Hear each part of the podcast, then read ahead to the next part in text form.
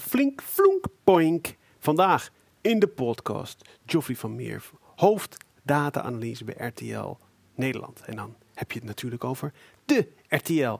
Het gaat over het gedrag begrijpen van consumenten en hoe ze daar algoritmes op loslaten. Videoland, ehm, eh, hoe je, hoe je eh, structuren van de data-analisten bouwt. Ehm, eh, hoe, eh, hoe ze aan het personaliseren zijn, hoe ze e-mailmarketing inzetten, hoe ze klantsegmentatie doen, welke klanten veel aandacht doen, hoe ze de churn naar beneden hebben gekregen, hoe ze de propositie aanpassen per segment. Nou ja, allerlei hele interessante dingen, hoe ze met data omgaan. En ik probeer het uiteraard altijd weer terug te halen naar ZZP'ers en kleine MKB. Wat kunnen wij leren van, nou ja, in mijn beleving wel een van de toporganisaties en top data-analysten van Nederland. Luister en huiver en natuurlijk ook veel plezier met de Relatiemarketing Podcast. Hey uh, Joffrey, welkom in de Relatiemarketing Podcast. Dankjewel. Uh, deze podcast is, uh, gaat over marketing. ik werk voornamelijk voor ZZP'ers en MKB. En, um, oh, dankjewel. en, dus ik probeer gasten uit te nodigen die wat interessants te melden hebben. Nou weet ik dat bij jou nog niet. dat, ja. dat is altijd even afwachten. Ja. Maar, um, ik kan mijn dag hebben. Jij zit wel in een, in een hoek waar veel interesse voor is. Misschien niet direct zo 1, 2, 3 voor ZZP'ers en, uh, en MKB, maar misschien ook wel.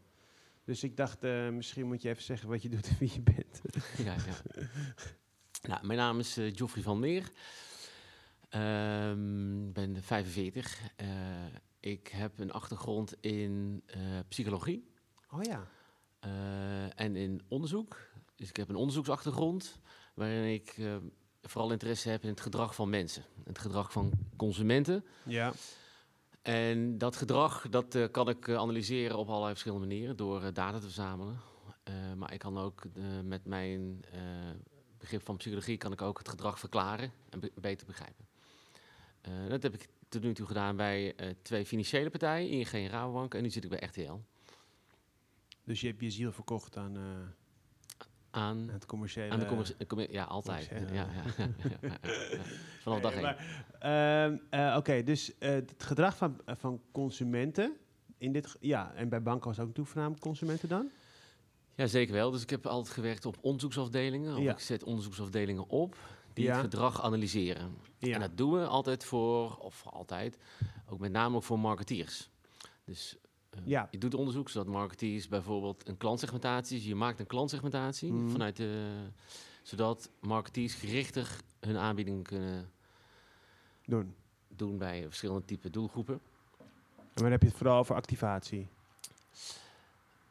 Uh, dat is als activatie. Je aan, als je zegt aanbiedingen doen, maar niet alleen dus. Niet ja, afactie, maar dat kan natuurlijk ook voor klantbehoud zijn. Ja, precies. Dus, uh, we kunnen ook uh, bijvoorbeeld, dat doen we nu ook, per klant een kans berekenen dat ze hun abonnement gaan opzeggen.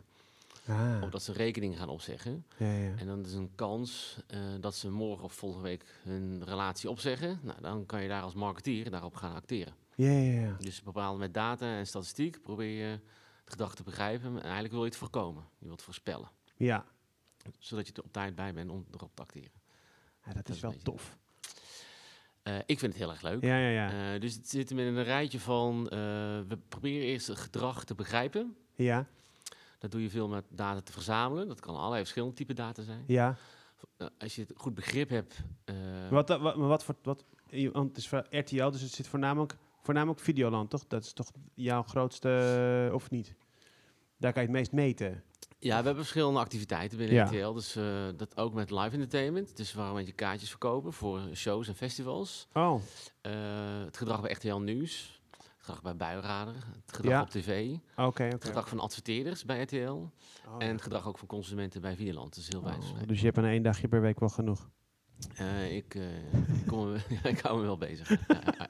Hoe kan je zoveel verschillende dingen structureren, structureren. Want het zijn heel verschillende belangen ook. Ja, ik doe het niet in mijn eentje. Nee, dus okay. Ik heb een, een, een team van uh, getalenteerde jonge mensen. Ja. Hoe groot is dat team? Uh, dat team bestaat uit 15 personen.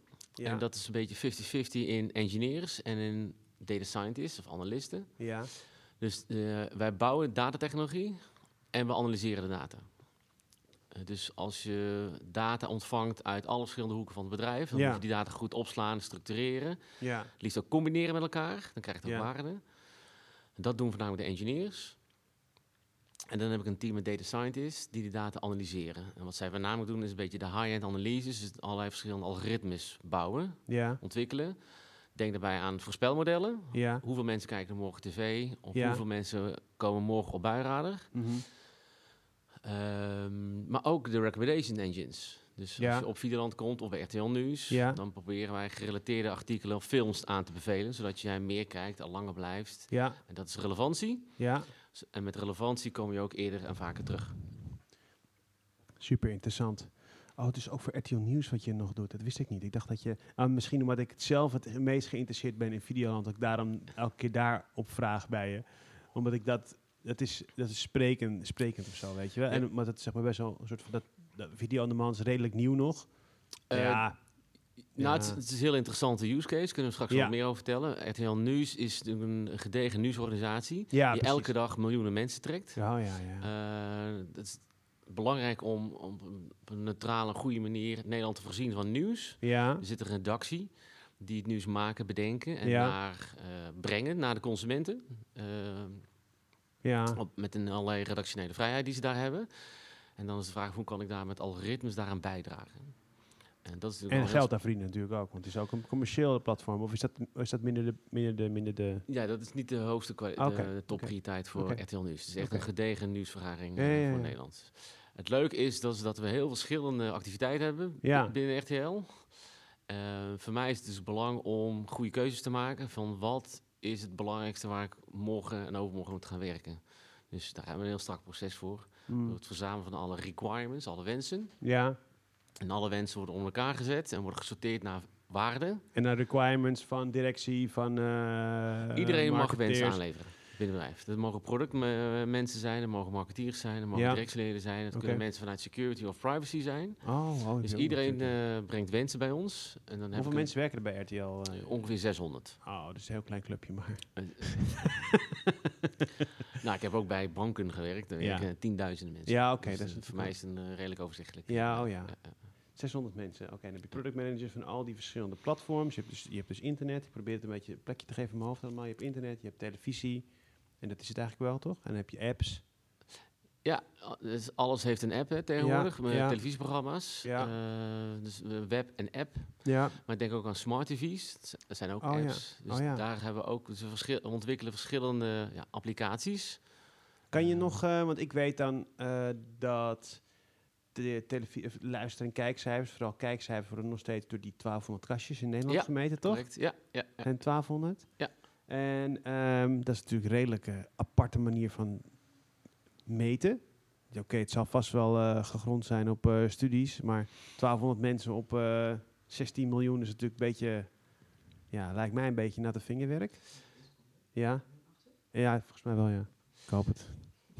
Nou, die vraag krijg ik regelmatig. En, ja. er is het een, een gerenommeerd onderzoeksbureau achter die het panel beheert ja, ja, voor alle partijen in de markt. Hè. Dus hm. een industry uh, joint uh, ja, overeenkomst, ja. committee.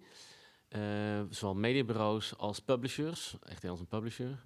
Reclamebureaus, die hebben samen dit tot een standaard ja. gedefinieerd. Ja. we zitten met z'n allen in. En, um, maar um, als je zegt, ik kom daardoor op die app, weet je, op Smart TV. Is dat dan, kan je dan andere dingen meten? Of is het alleen voor Videoland? Is dat niet het gaat nog steeds via het kastje. Dat zijn nog steeds. Dat is nog het kastje gebruiken we eigenlijk alleen voor tv-gedrag. Ja. Zodat mensen dus op tv kijken. Ja. Alles wat online gebeurt, in web of app, is digitaal. En dat kun je tot op seconde nauwkeurig meten. Ja. Uh, het belangrijke is dat we het in panels doen. Dus je moet in steekproeven gaan werken, want met panels kun je ook achtergrondkenmerken uitvragen. Oké, wat vond je ervan en dergelijke? Bijvoorbeeld, maar ook heel, ja, dus ook marktonderzoek doen van wat is je opleidingsniveau? Hoe, wat is je gezinssamenstelling? Oké. Dat is heel belangrijk om dat ook mee te nemen. Ja, voor de adverteerders. Ja. ja, ja, ja. Hmm. Hoeveel, wat is de verhouding nu in, in live tv kijken en terugkijken? Voor RTL-kanalen? Want je hebt de verschillende kanalen, toch? Niet alleen RTL 4, je hebt ook uh, RTL 5, ja. RTL uh, 6. 4, 5, 7, 8. RTL 4, 5, 7, 8, ja. ja. Dan hebben we nog themakanalen, RTL Lounge of Telekids. Oh ja, oh ja. Uh, dat zijn, uh, RTL 4 is veruit de grootste. Ja. Uh, is ons uh, vlaggenschip. Ja. en tv pakt nog ongeveer, nou ik zal zeggen ongeveer 80% nog van de omzet van RTL. Dus tv is nog steeds heel dominant. Er gaat oh, ja. nog heel veel geld in om. Ja. Het is nog steeds een zeer verdienstelijk businessmodel. Ja. maar we zijn dat het in balans brengen met het andere businessmodel wat we met Videoland proberen ja, te bereiken. Nee, maar ik bedoel, ik bedoel, mijn vraag was eigenlijk niet, dat vind ik ook interessant hoor, maar hoeveel procent wordt er gekeken nog naar live en hoeveel wordt er nog on demand gekeken, dus uh, nagekeken? Hoeveel wordt er nog live en hoeveel wordt er, of weet je dat? Um, Bijvoorbeeld de, de, uh, iets als The Voice, is dat op RTL 4 toch niet? Ja. ja. Nou, ik kijk dat nooit live, ik kijk het altijd terug, bijvoorbeeld. Niet altijd, ik kijk maar... Ja, dat is een voorbeeld. Het, dat kan ik niet op een programma specifiek, dat verschilt nee. natuurlijk. Nee, nee, maar gewoon, um, gewoon in het algemeen. RTL 4 breed. Ja. Volgens mij kijken we ongeveer ja, een uur per dag of zo, uh, een gemiddelde Nederlander. Ja. Nou, laat uh, en per doelgroep zal het zijn... Ja, het is heel moeilijk om dat... Uh, zo, één. Ligt aan een beetje definitie. Veel, veel, veel, veel minder mensen live kijken of hoe noem je dat? Is het, uh, de, de ja, live. Ja, Li okay, ja, live kijken. En dat steeds meer mensen terug gaan kijken. Ja, ja, Want het is gratis ook.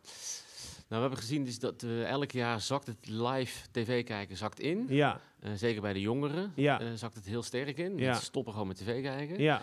We hebben wel gezien voor het eerst weer dit jaar dat het toeneemt. En dat is met name te danken aan het terugkijken. Ja. En wat jij, wat jij, doet. Ja. Waardoor mensen eigenlijk gewoon meer gaan kijken. Maar alleen niet op het uitzendschema wat we bedacht hebben. Maar gewoon op een ander tijdstip. Ja, dus dat, dat wordt steeds minder belangrijk. En dat is ook prima. Maakt ons niet uit wanneer je kijkt. Als je het maar kijkt. Ja. We willen mensen bereiken. Wat mij afvroeg, hè, wat, ik, uh, wat ik nog wilde vragen. Want ik zie heel weinig... Dus als ik bijvoorbeeld The Voice kijk... zie ik heel weinig reclame voor andere programma's. Dat lijkt mij dan juist een uitgelezen moment om, uh, om meer uh, andere dingen aan te smeren. Nou, zendtijd is duur. Ja, oké. Okay. Uh, ook, ook, terugkijken, wise. Ja, zeker. Ja, Daar kan je toch dus, wel andere dingen in doen?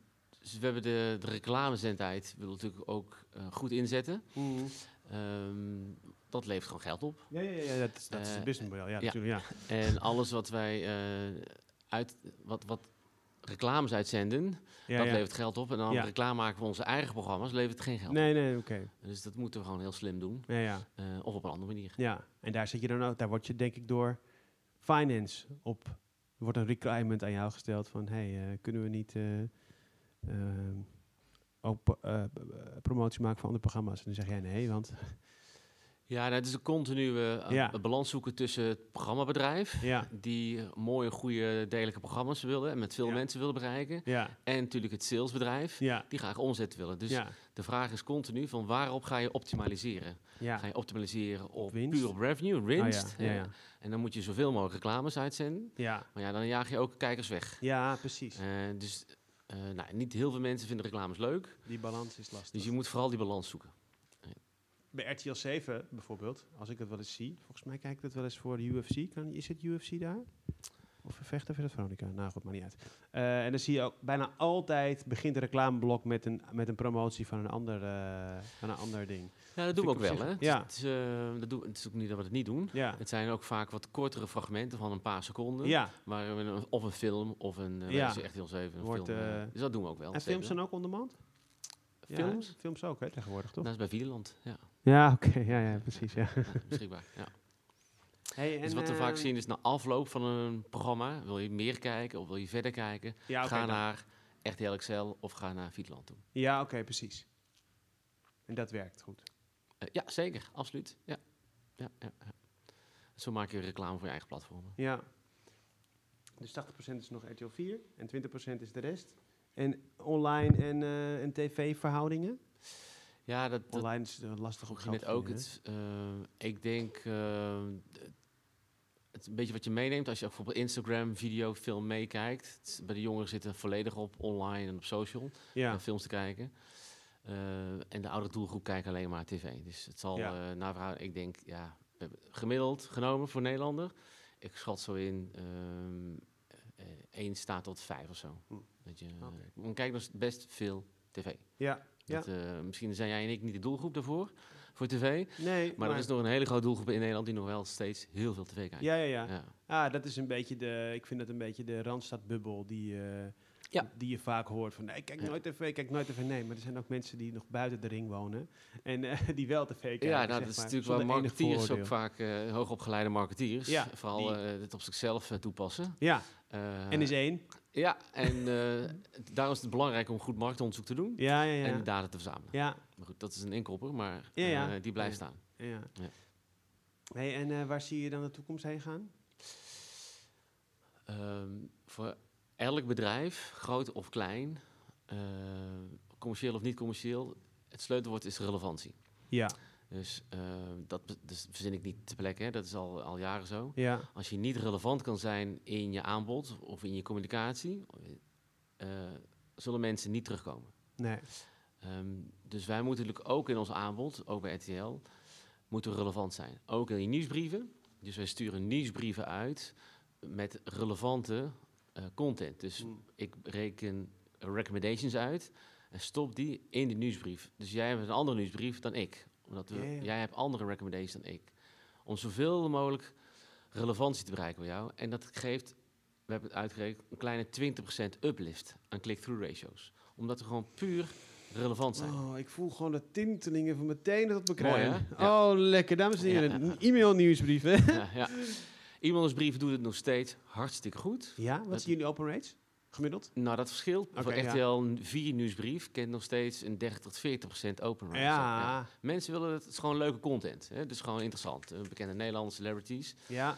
En als je dan ook nog relevant kan maken of personaliseren. Ja. Dus mijn slogan is, je kan het relevant maken als je het gaat personaliseren voor iedereen. Ja. En personaliseren is best moeilijk. Hè? Want het betekent dat je dus moet respecteren dat iedereen verschillend is. Ja. Hoe jij en ik media consumeren is verschillend. Ook al zijn we allebei mannen in middelbare leeftijd. we zijn toch verschillend. Hè? Dames en heren, ik ben absoluut niet van middelbare leeftijd. ja, ik ben ook heel jong. maar we moeten accepteren dat we allemaal verschillend zijn. En als we maar als je in je uitingen iedereen op één, één hoop ja, gooit, dan heb je, ook heel veel, heb je ook heel veel... Voorbeeld. Wat zeg je? Uh, Hudson B voorbeeld. Geen idee. Nou ja. Dat zou kunnen. Okay, ja. Um, het is ook eigenlijk heel logisch. Dus als je iedereen op dezelfde manier brengt. Dus met tv zijn we ook gewend om te zenden. Iedereen hetzelfde programma kijken. Ja. ja. En nu moet RTL opeens denken andersom. Ja. 180 graden anders. We moeten uitgaan van wat vindt die persoon, die klant of die consument nou leuk? Wat is zijn interesse? Wat is zijn voorkeur? Wat is zijn smaak? En daarop ga je acteren. Dus het hmm. startpunt is niet van wij vinden dit product interessant en leuk. En dat gaan we brengen naar de consument toe. Het startpunt is wat vindt de consument? Wat vindt hij leuk, interessant? Wat zijn zijn voorkeuren? Wat is zijn smaak? Wat is zijn gedrag?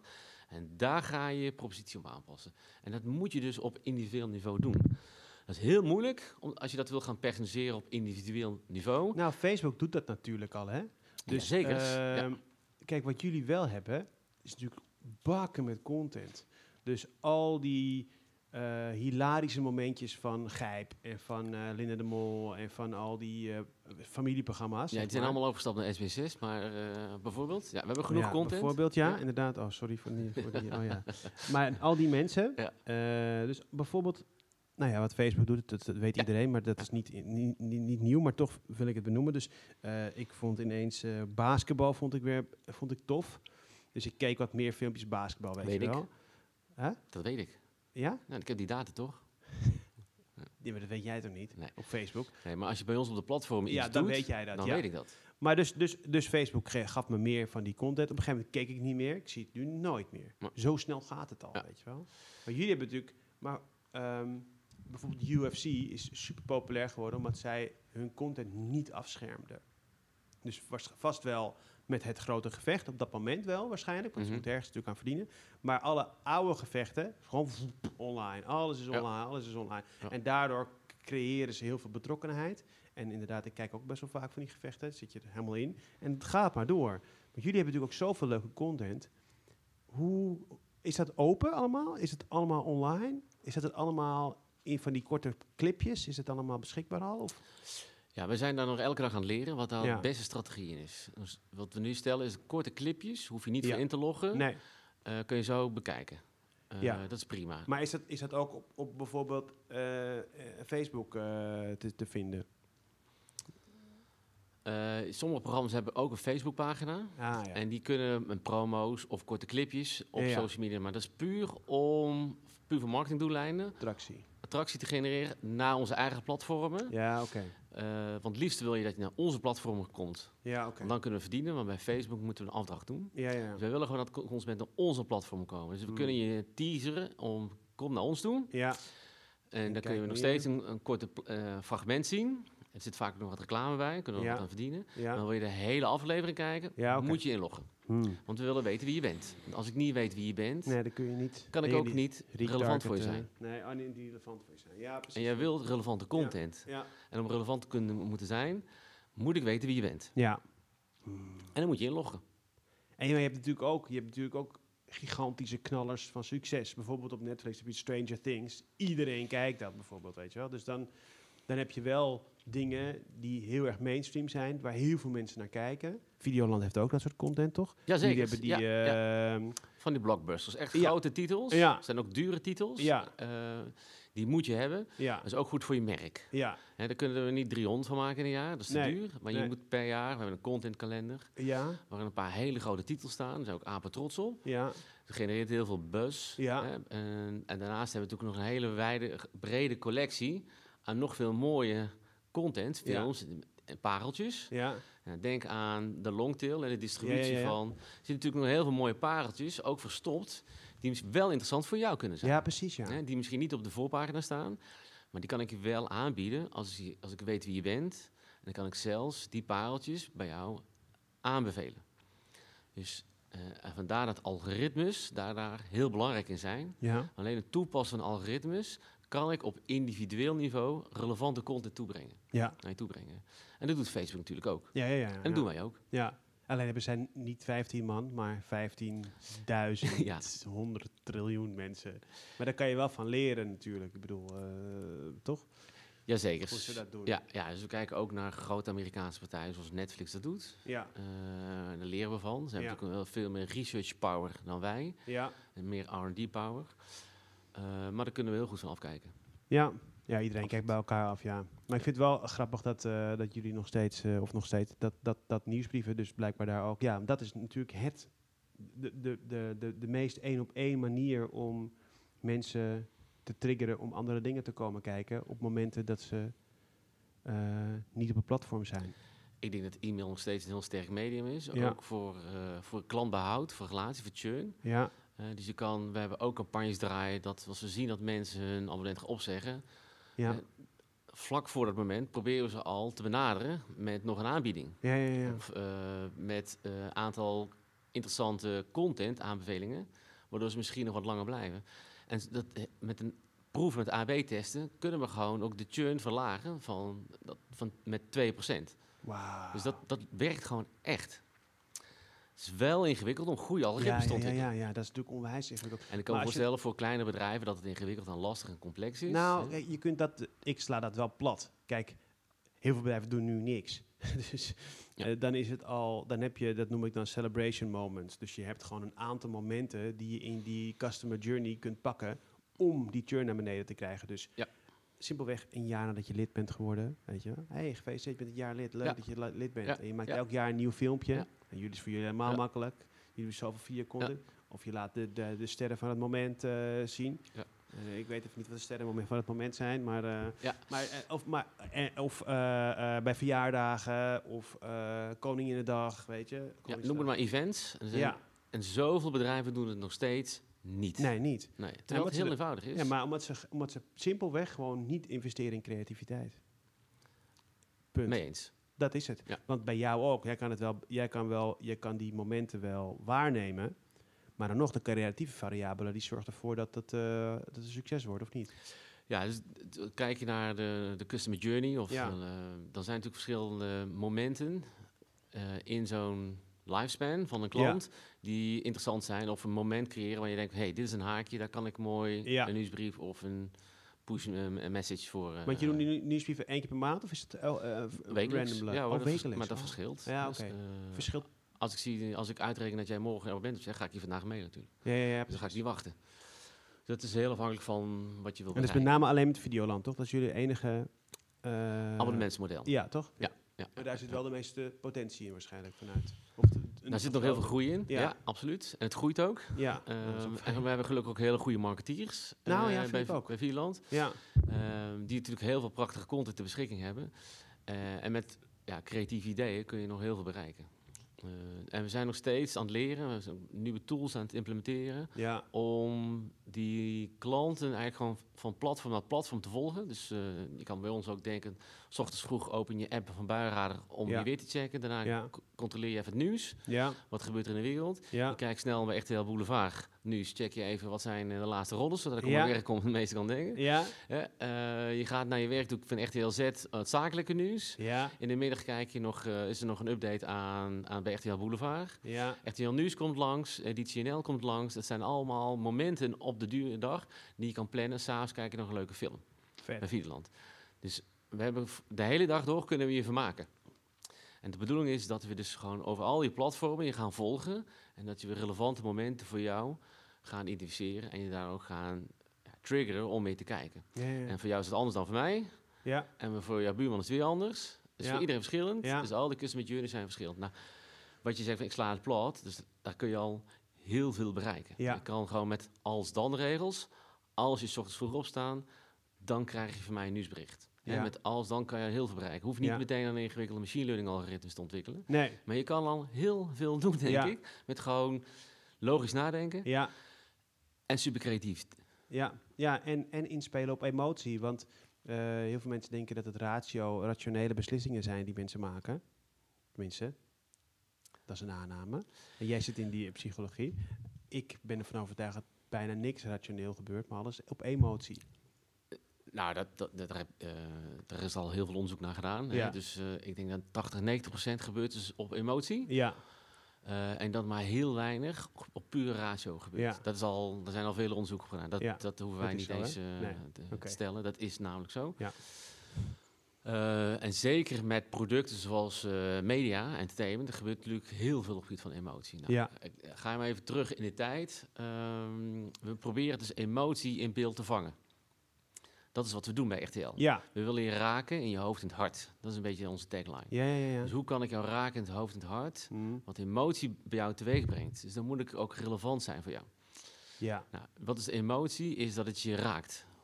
En hoe raakt het jou? Nou, dat moet ik snappen. Ja, En dat natuurlijk emoties, je hebt verschillende type emoties. Verrassing, boosheid, eh, blijdschap. Ja. eh, ja, ja, ja. eh, er zijn volgens mij zeven of acht emoties. Er zijn, je hebt nog wat sub-emoties daarin eh, om aan te brengen. Dus wat we proberen is ook in de content te kijken... wat voor type emoties spelen hier. Bij echt heel nieuws spelen andere emoties... dan Ja. bij film en Videoland. Verontwaardiging. Ja. eh, Dus dan moeten we kijken, wat past de type emotie het beste bij jou? Of jij Ja. Triggert heel graag op, eh, op verrassing. ja. Maar iemand anders kijkt heel veel content waarin, waarin heel veel emotie op het gebied van Ja, ja, ja. blijdschap zit. ja. Eh, Of drama. of drama. Hè, precies, ja. vrouwendrama. Dat kleurt jouw emotionele voorkeur Ja. en consumptie. Nou, dat is ook zo. Als je dan, dat hebben jullie nog niet. Dat, en dat heeft Netflix wel, je eigen account. Toch? Of hebben Nou, jullie dat al wel? een eigen account, Oh, Videoland wel. Oh ja, sorry, ik ben geen lid. Maar oh, dat zal dan inderdaad. Ja, en dat zie je dus. Bij mij is alles overwegend zwart en eh, machinepistolen. Ja, dat zou En kunnen. Eh, bij Astet is alles eh, legally blond. Eventjes zo te doen. Ja, het zou zomaar kunnen. Jullie hebben Asset ook heel blij gemaakt. RTL 8 stond elke avond, sinds elke avond twee kerstfilms uit achter elkaar. je kan gewoon invallen. Je denkt dat het nog steeds dezelfde film is. het is allemaal studiolicht. Ja. Kerstboom. Elke keer zitten ze de kerstboom uitzoeken. Ja. Ja, dat vindt ze echt fantastisch. Maar van een uitzij is natuurlijk, eh, proberen we ook de emotie naar de consument te brengen. Dat Ja. is, eh, als ik nou heel lang terug ga, is Rembrandt probeerde ook de emoties in zijn schilderij te leggen. Hmm. Hij was de eerste portretschilder, eh, waarin hij probeerde heel subtiel met emoties vast te leggen in de gezichten van mensen. Ga maar naar het Ah. Rijksmuseum. Ja, ja, Voorheen werden de portretten altijd heel strak ja. en neutraal Stratig. geschilderd. En hij was de eerste die probeerde emotie, een kleine twinkeling in de oog of een klein mondhoekje erin te brengen. Dus hij probeerde, Lisa. Toch? Daarom is ze ook zo bekend. ja, dat heeft iemand anders geschilderd, ja. ja. Maar die probeerde dus al emotie vast te leggen op beeld. ja. En dat doen we nu vandaag nog steeds. Ja. En hij was eigenlijk de eerste die dat probeerde. En dat sloeg enorm aan.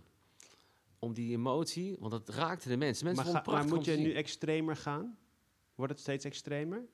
Uh, nou, ik zou niet weten waarom dat extreem moet. Weet ik niet. Het nou gaat ja. om de juiste toon en om het juist te raken. Nou, ik kan me voorstellen, zeg maar bijvoorbeeld wat Twitter nu doet, toch? Die lokt emoties uit door contra meningen te laten zien aan jou. Als je heel erg, uh, je volgt heel bijvoorbeeld linkse politici en dan uh, probeert Twitter je op het platform te krijgen door rechtse meningen te laten zien. Heb je vast wel van gehoord? Ja, je zit me aan te kijken alsof je het niet weet, maar je weet het precies. Ja, ja. Dus ik kan me voorstellen... dat het van korte duur is. Ja, dat is van korte duur, want het is nu, het is, the word is out. Ze hebben het te obvious gedaan. Ja. Maar dat betekent niet dat het weggaat, want dat is gewoon een... Uh... Ik vind het armoede, dus gebrek aan creativiteit. Ja, oké. Maar toch ehm, kan ik me voorstellen dat programma's die steeds extremer worden, meer views krijgen en dat je daardoor meer daarop gaat sturen. Ehm, ja, nee, dus, dus, dat gebeurt vaak, hè, dat we een beetje een extreem in emotie gaan zitten. Ja. Uh, om mensen maar nog meer te raken. Ja. Hè, en ik denk als je kijkt over de afgelopen 30 jaar, dan is het een andere tv. Er worden andere type programma's gemaakt dan 30 jaar geleden. Hè. We lachen ook om een andere soort humor. Ja. We zijn ook minder geschokt nu of dan 20, 30 jaar geleden. Ja. Dus, maar dat heeft met de culturele norm te maken, denk ik. Uh, en wie bepaalt de culturele norm? Ja, dat zijn ook de mediapartijen als RTL, maar niet alleen. Het, ja, het is een visuele cirkel. Hè? Dus media gaat iets, uh, gaat iets uh, grovere dingen doen. Het publiek kijkt, vindt het leuk en dus, en dus gaat het door, zeg maar. Het moet ergens vandaan komen. Die behoefte en, die, en dat aanbod. Nou, je hebt natuurlijk als mediapartij zeker wel een, een, een rol speel je daarin. Ja. wat de norm is in de maatschappij. Dus ja. De, nou, bijvoorbeeld... Uh, nou ja, RTL Nieuws is natuurlijk helemaal. Wat laat je zien, wat laat je niet zien? Wat laat je online zien, wat laat je niet online zien? En uh, NPO 1, die doet bijvoorbeeld sommige... Als je dingen terug wil kijken... Ik weet niet wat ik naar terug wilde kijken. Maar dat komt pas na tien uur s'avonds. Weet je? Meestal slaap ik dan al. Dus dan kon ik het gewoon niet kijken. ja. Nou, denk bijvoorbeeld aan de, de partijen die veel met algoritmes werken. Uh, ja. Netflix of Facebook. Ja.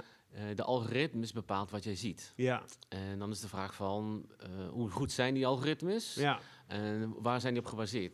Zeker bij een nieuwsplatform moet je daar goed over nadenken. Van wat voor nieuws brengen die algoritmes naar ja. toe? Ja. Algoritmes werken, dat hebben we ook onderzocht. Ook mijn algoritmes bij RTL Nieuws genereren veel meer kliks dan als je relevante nieuwsartikelen van de redactie aanbeveelt. Ja, ja. En, en dus uh, op, op, op uh, gutgevoel van redactie. Ja. Dus stel, ja, okay. ja nou, het zijn hartstikke goede mensen ja. die uh, prachtig nieuws brengen. Ja, maar toch. Maar je moet natuurlijk, en we hebben daar ook hele gezonde discussies mee over van. mooi, mooi, mooi. Ik kan het me helemaal voorstellen. Nou, het, het, nou, het is ook gewoon kut, toch? Want je denkt als mens dat je het beter weet, maar toch een algoritme verslaat je dan. Ja, maar tegelijkertijd moeten we ook gewoon uh, duidelijk zijn. Dus de redacties zijn, hebben natuurlijk een hele belangrijke rol ja. om gevarieerd en het nieuws te brengen naar het Nederlands publiek te brengen. Ja. Dat kan je niet uh, te nauw of te eng doen. Nee. Dus dat moet je zo breed mogelijk doen. Dus de eindredacties hebben een hele belangrijke rol om daar scherpe keuzes in te maken. Ja. Nou, dat is prima. Dus je kan me voorstellen dat zij bepalen gewoon het half achtje nieuws en de voorpagina van RTL Nieuws. Ja. Hè, dat is uh, de voorpagina. Ja. Maar lees jij een bepaald artikel over waarin je meer leest over Trump en China, ja. Uh, dan zullen wij ook nog andere artikelen aanbevelen die ook over Trump gaan en China uit het hmm. verleden. En is het dan niet een beetje zoals uh, uh, je hebt een reis geboekt naar Egypte en daarna krijg je alleen maar Egypte reizen uh, voor je kiezen, terwijl je dat helemaal niet wil. Je wil nu een weekendje skiën in uh, Oostenrijk. Ja, dat zijn slechte voorbeelden ja. van algoritmes die niet goed afgestemd zijn. Nee, oké.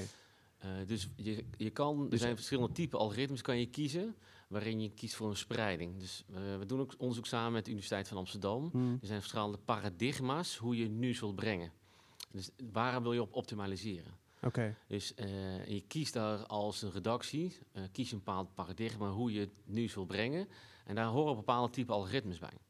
Nou, als je kijkt naar een ander voorbeeld wat je, wat je, wat, je, wat je gaf, is uh, die zetten jou heel snel in een soort tunnel of in een koker. Ja. en dat is natuurlijk vet irritant. Ja. laten we wel wezen, want je hebt die vakantie al net al geboekt. Ja. En dan moet je nog drie weken. Ja. Dus dat algoritme leert niet van jouw gedrag. Hmm. Dus dat zijn geen goede algoritmes. Dus het zou dan een algoritme moeten zijn die zegt, oké, hij gaat naar Egypte.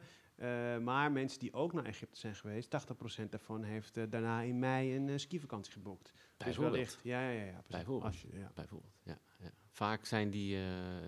Koop je zo'n algoritme of zo? Je zegt er zijn verschillende algoritmes. Of hebben, zijn, dat, zijn dat...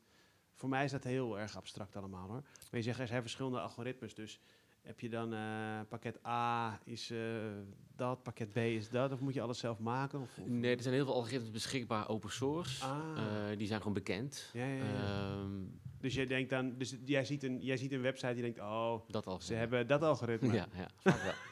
ja. Het is echt heel nerdy. Ja. Ja, Nee, ik denk dat we allemaal dezelfde algoritmes wel eens gebruiken. ja oké. alleen dus hoe mature je bent en ja, hoe ontwikkeld je bent als bedrijf, maken een volgende stap. Dus zeg maar, stel, hè, eventjes eh, weer teruggaan naar, eh, naar mij.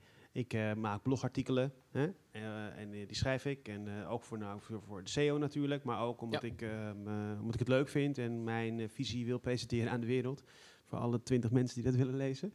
Eh, dan heb je eh, andere, me- eh, bijvoorbeeld daaronder kan je dan nog een aanbeveling doen of zo. Ja. En zou ik gewoon een algoritme kunnen kopen Prima. als een WordPress plugin. Ja, dat kan. Van, en die het dan leert. Ja. Als je dit hebt gelezen, dan kan je dat Ja. misschien ook leren. In plaats van eh, er gewoon de voorlaatste. is heel Ja, makkelijk waarschijnlijk. Nou, dat, dat zou ik zeker eh, mee experimenteren. En met. AB-tests. Die zijn beschikbaar. Die, dan kun je gewoon ge- ja, gebruiken. ja, Maar ik zou een AB-test opzetten, wat werkt en wat niet werkt.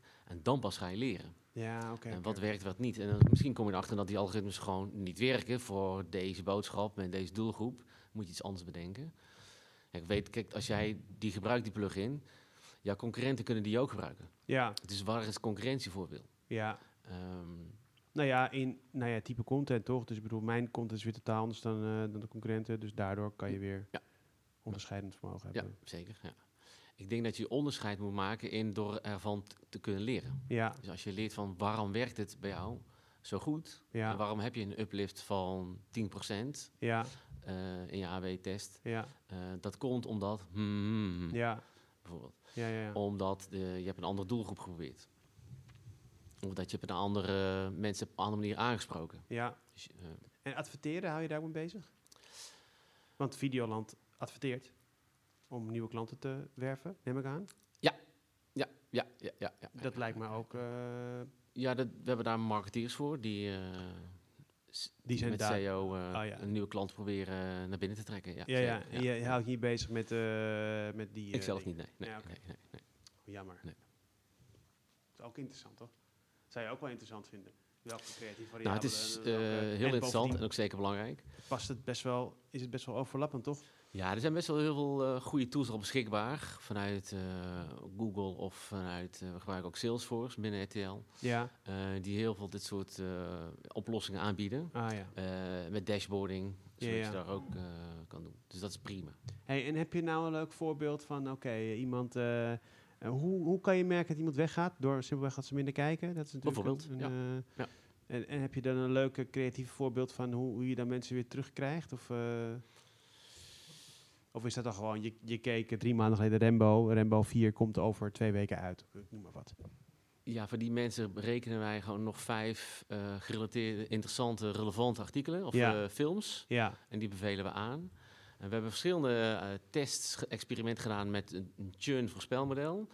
En eh, de eerste waren niet succesvol. En het Ja. bleek gewoon dat de combinatie met push notification in app, dat dat wel werkte. Ah, Dus mensen kwamen niet meer op het platform, nee. maar kregen een push notification in app. En toen werden ze opeens wakker. Dat vonden ze, dat kwam in beeld of zo. En toen gingen ze opeens wel Kijken. een positief effect. Nou, ik denk dat eh, er is zoveel content. Er is nu ook zoveel concurrentie. Dit, dit is een gek moment, denk ik, in de mediatijd waarin we leven. Waarin je Amazon Prime hebt, Videoland, Netflix. Er zullen vast ja. nog Disney. Ja. En er zullen vast nog wel een paar misschien komen. Weet je, misschien een prijsstunter of zo, die alleen maar B-films of whatever. Op een gegeven moment gaat dat denk ik wel weer over en komt er, komen er, zullen er sterker blijven staan. Mhm, Dat vermoed ik. Ja.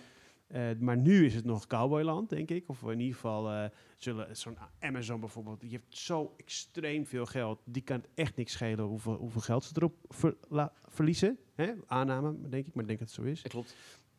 En, um, maar ik denk dus dat er daardoor heel veel behoefte is aan curatie. Want er is zoveel. Ik weet soms ook mijn god niet meer wat ik moet kijken. Wat een van de dingen die ik altijd vraag aan, eh, tijdens etentjes, wat, wat kijk jij? Weet je? Ja. Gewoon omdat ik het echt niet meer weet. Ik weet het gewoon niet meer. ik kijk een halve, halve serie, denk ik, ja, half, half denk nou, ja, is dit het nou? Ik weet het niet. Oh, dan ga ik weer naar de volgende. En uiteindelijk kijk ik niks. Ja. dus ik denk dat daar heel veel uh, toegevoegde waarde als een RTL in kan zitten. Exact, denk ik ook.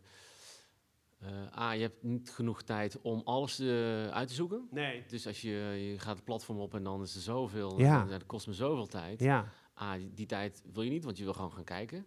En zou je dan, sorry dat je onderbreekt, maar zou je dan niet ook gewoon uh, mensen kunnen vragen om hun voorkeuren? Dus dat je nog, dus dat je, stel ik kom, stel ik kom op Videoland, wordt de klant en je zegt, dat doet Netflix volgens mij, of dat doen andere, wie deed het nou? Dat ze, wel dat ze drie films vragen die je tof vindt, bijvoorbeeld. Maar dat is heel weinig. Want je echt een vette lijst kan invullen. Help ons jou beter te begrijpen. Of is dat... Uh... Ja, zeker wel. Dus als je een nieuwe klant bent voor het eerst... Uh, dan vragen we, wat vind je van deze titel van, van deze titel? Dus oh, geven aan titels. En dan moet je een duimpje geven. Of ja, ja, oh, ja, ja. Zo dan leren we je smaak al. Want dat is een beetje het cold start problem. Ja, precies. We kennen je nog niet. Ja, ja, ja. ja, dus we willen je eerst leren kennen. Dus dat doet Netflix ook. Dus van dus dingen uit te vragen. En dan weet ik wie je bent. Want dat is het, begin is natuurlijk het allerbelangrijkste bij een nieuwe klant. Ja, want je hebt maar een kort probleem waar je, je komt met een bepaalde verwachting ja, kom naar een platform, toe. Meestal voor een serie, denk ik, of niet? Sorry? Meestal voor een serie. Voor een titel, ja. Voor een titel, ja. Uh, dus die verwachting is hoog en dan wil je het zien ook. Ja, en dan heb je vaak in je proefperiode van twee weken, ja, dan moet je hem ook gewoon pakken. Ja, ja, ja. ja, uh, uh, we hebben ook een conversiemodel, waarin we per klant ook uitrekenen een kans dat hij vanaf zijn proefperiode, zijn gratis proefperiode, naar een betalende klant gaat. Ah, en heel veel klanten die, ja, die gaan nooit naar een betalende klant converteren. Die willen gewoon één dingetje zien, bijvoorbeeld Famke Louise bijvoorbeeld, willen ze zien. Ja. En dan vervolgens en dan stoppen ze weer en dan komen ze misschien een maand later weer terug voor weer twee weken. Oh, dat mag? De, ja, dat mag. Ja, oh, dat is niet. Ja, ja. ja dat vind ik niet leuk, maar het mag. Maar dat gebeurt oh. over de hele wereld. Dus, oh, okay, okay. dus uh, het is aan ons om hun te verleiden om gewoon een abonnement te nemen. Ja, ja, ja. Nou ja, goed. Het is, de doelgroep is natuurlijk ook... Zo'n Famke Louise bijvoorbeeld, om, om een keer iets uit te lichten. Mm -hmm. Vond ik wel... Ik heb het niet gezien. Het, leek me, het lijkt me interessant. Dat je, dat je zo'n jong meisje bent. Voor de mensen die niet weten wie Famke Louise is. Het is een YouTube-sterretje die ook uh, muziek maakt. En uh, ja. alle haat van Nederland over zich heen heeft gekregen. En daar ja. wordt een documentaire over gemaakt. Ja, dat zie je heel goed in documentaire. Kan het je aanbevelen? Ja, ja, ik wil het zeker zien. Maar um, uh, ik kan me dan voorstellen dat die groep niet het geld heeft of, om, om, dan te, om dan te blijven. Als ik de doelgroep eventjes zou kunnen formuleren van 12 tot 17 of zo. Weet ik veel wat de doelgroep is. Uh, dat zou zeker kunnen, ja. Ja dus de, we doen wel studies uh, over wat heeft een gemiddeld huishouden over voor ja. een of aan abonnementsgeld. Ja. Dus je hebt al uh, Spotify abonnement, je hebt nog een abonnement voor dit, voor de bibliotheek, je hebt nog een abonnement. Dus de abonnementsmodellen komen op. Ja. Um, vaak heb je, nou we hebben uitgerekend dat er is wel ruimte voor ongeveer twee abonnementsmodellen. Dus, en dan is het of primed of het is Amazon, ja. of zo Netflix, of het is Disney of Videoland. Ja. Of NPO Start. Ja, ja, ja. Dus, uh, maar er zijn meer aanbieders dan er mensen geld hebben. Dus ja. we moeten zorgen dat je in die één of dat je nummer één of twee bent. Ja, of tijd hebt. Ik bedoel, stel je voor je vier evenementen, wanneer ga je wat ga je doen? wanneer ga je kijken? Ja. Toch, dat is natuurlijk ook een ding. Maar ja... Uh, Tenzij het zo aantrekkelijk is, dat je het zo interessant vindt en leuk vindt, dat je, maak je de tijd voor. Ja, Mensen dat, kijken meer media, meer content dan ooit tevoren. Ja, ja. En het, uh, het gaat nog steeds, het groeit nog steeds. Ja, zeker als we 30 uur gaan werken, als het aan de CNV ligt. Wat is het?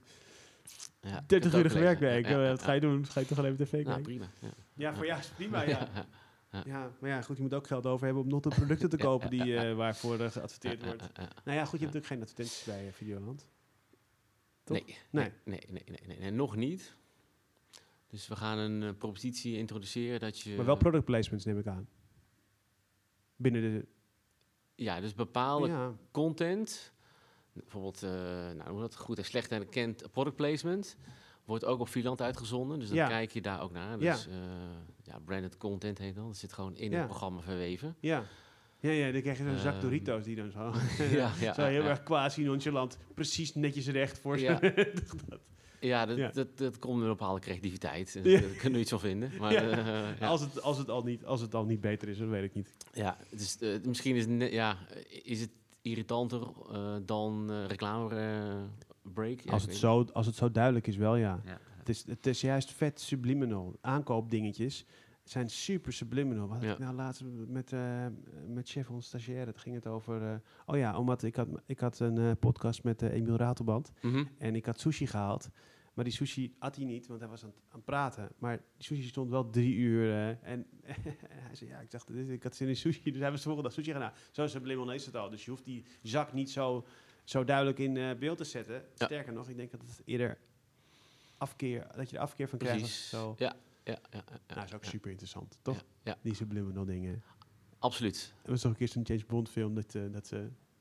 Uh, bijna elke minuut was er wel een uh, product. Uh, ja, ja, Nee, er zijn zeker onderzoeken gedaan. Ook al zie je het niet eens. Nee. Er zijn ook, ook tests geweest. Nou, er is volgens mij een bekend onderzoek over een bioscoop. Er werd, Coca-Cola. werd, zonder dat je het zag, werd er in een split millisecond werd er dan iets geprojecteerd op het scherm. En dat, dat, valt je niet op. Nee. Maar toch, het krijg je, dus, krijg je binnen in je... Mensen gingen meer cola drinken, meer, uh, geloof ik, dat was het. Ja, ja, ja, ja. ja. ja. ja super interessant. En zichtbaarheid natuurlijk.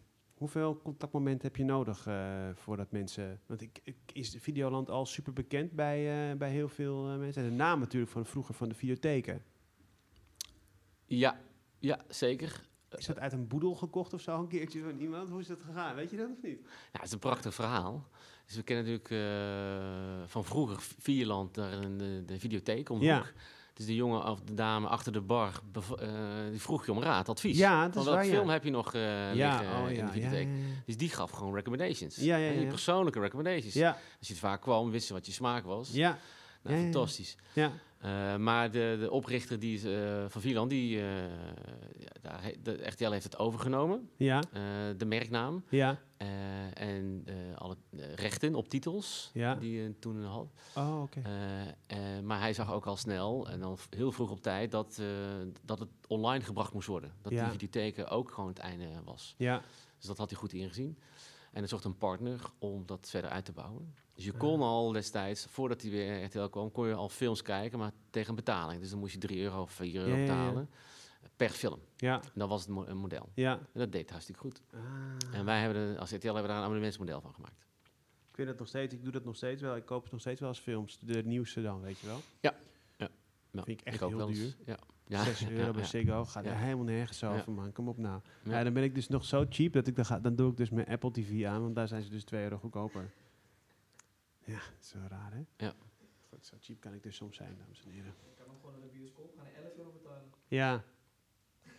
Ja, maar ja, bioscoop. Maar dat is dus de afweging. Ga je naar de bioscoop toe? ja. Eh, of blijf je lekker thuis? En dan kost het je ook veel geld, maar dan kun je wel thuis blijven. Dus, ja. Dus dat... Uh, ja, dat, is dus, dat gaan we allemaal ontdekken en leren hoe dat uh, gaat werken.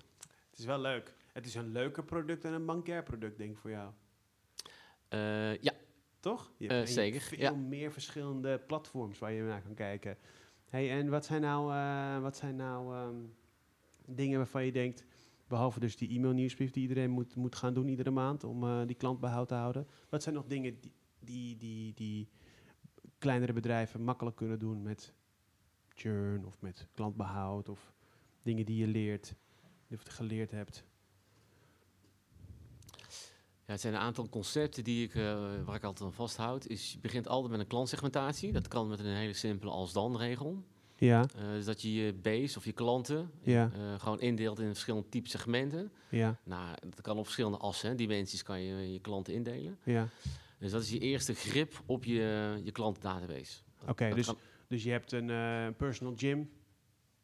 Je deelt in, iemand gaat één keer per week. Je kan het naar activiteit doen. Ja. Uh, hoe vaak ze naar je toe komen. Ja. Uh, je kan het ook naar monetary value doen. Ja. Uh, in die zin. Of hoe lang zal klant zijn. Ja. Nieuwe klanten versus oude klanten. Mm -hmm. Dus met een beetje common sense kan je je totale base al indelen in verschillende type doelgroepen.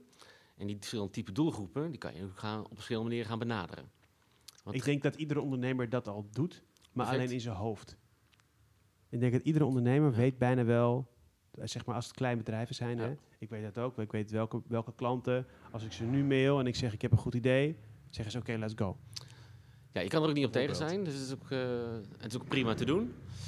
Uh, maar je moet het goed onderhouden. Ja. En er zijn ook klanten die verschuiven van het ene segment naar het andere segment bijvoorbeeld. Dus je moet dat wel up-to-date houden. Dus je moet het blijven activeren, ja. die relatie. Dus als je kijkt naar klassiek CRM, is het opbouwen en behouden van klantrelaties. Ja. Nou, het opbouwen is altijd makkelijk, hè? De begin. acquisitie doen, begin. Ja. En dan moet je maar dan het behouden en blijven activeren. Dat kost gewoon heel veel tijd en energie. Ja. En dat wordt volgens mij vaak vergeten. En dan verliezen ze mensen klanten. Ja. Dus ook zorg dat de deur dicht houdt aan de achterkant. Ja. Dus dan moet je zeg maar per doelgroep of per mini-doelgroep nog verschillende proposities gaan ontwikkelen. En dan moet je verschillende nieuwsbrieven ontwikkelen. Dus misschien elke doelgroep heeft zijn eigen journey of eigen behoefte. Dus dat, je moet dat per segment, op microsegment, moet je dat gaan ontwikkelen. Ja, en dat kost gewoon tijd, het is moeilijk, het is ingewikkeld. Maar dat is wel de manier om relevantie te blijven behouden bij een doelgroep. Ja, ja dat is waar. Dat is waar. Dus, dus mijn advies zou zijn, als je zeg maar, weet ik veel, tot 30 tot 100 klanten hebt, dan zou je dit kunnen doen. Zou je misschien grofweg drie dingen moeten doen, drie, drie, drie segmentaties maximaal, want meer ga je echt binnen zo'n kleine bedrijven zou je niet. En dan zou je kunnen kijken, oké, welke klanten hebben uh, veel aandacht nodig, die stuur ik af en toe. Uh, of die hebben een hoge monetary value, die stuur ik af en toe gewoon een extra cadeautje. Gewoon dat je dingen veel meer automatiseert. Um, uh, en mensen, mensen zijn gevoelig voor data, weet je, data-analyse van hun, van hun, nou nee, nee, niet data.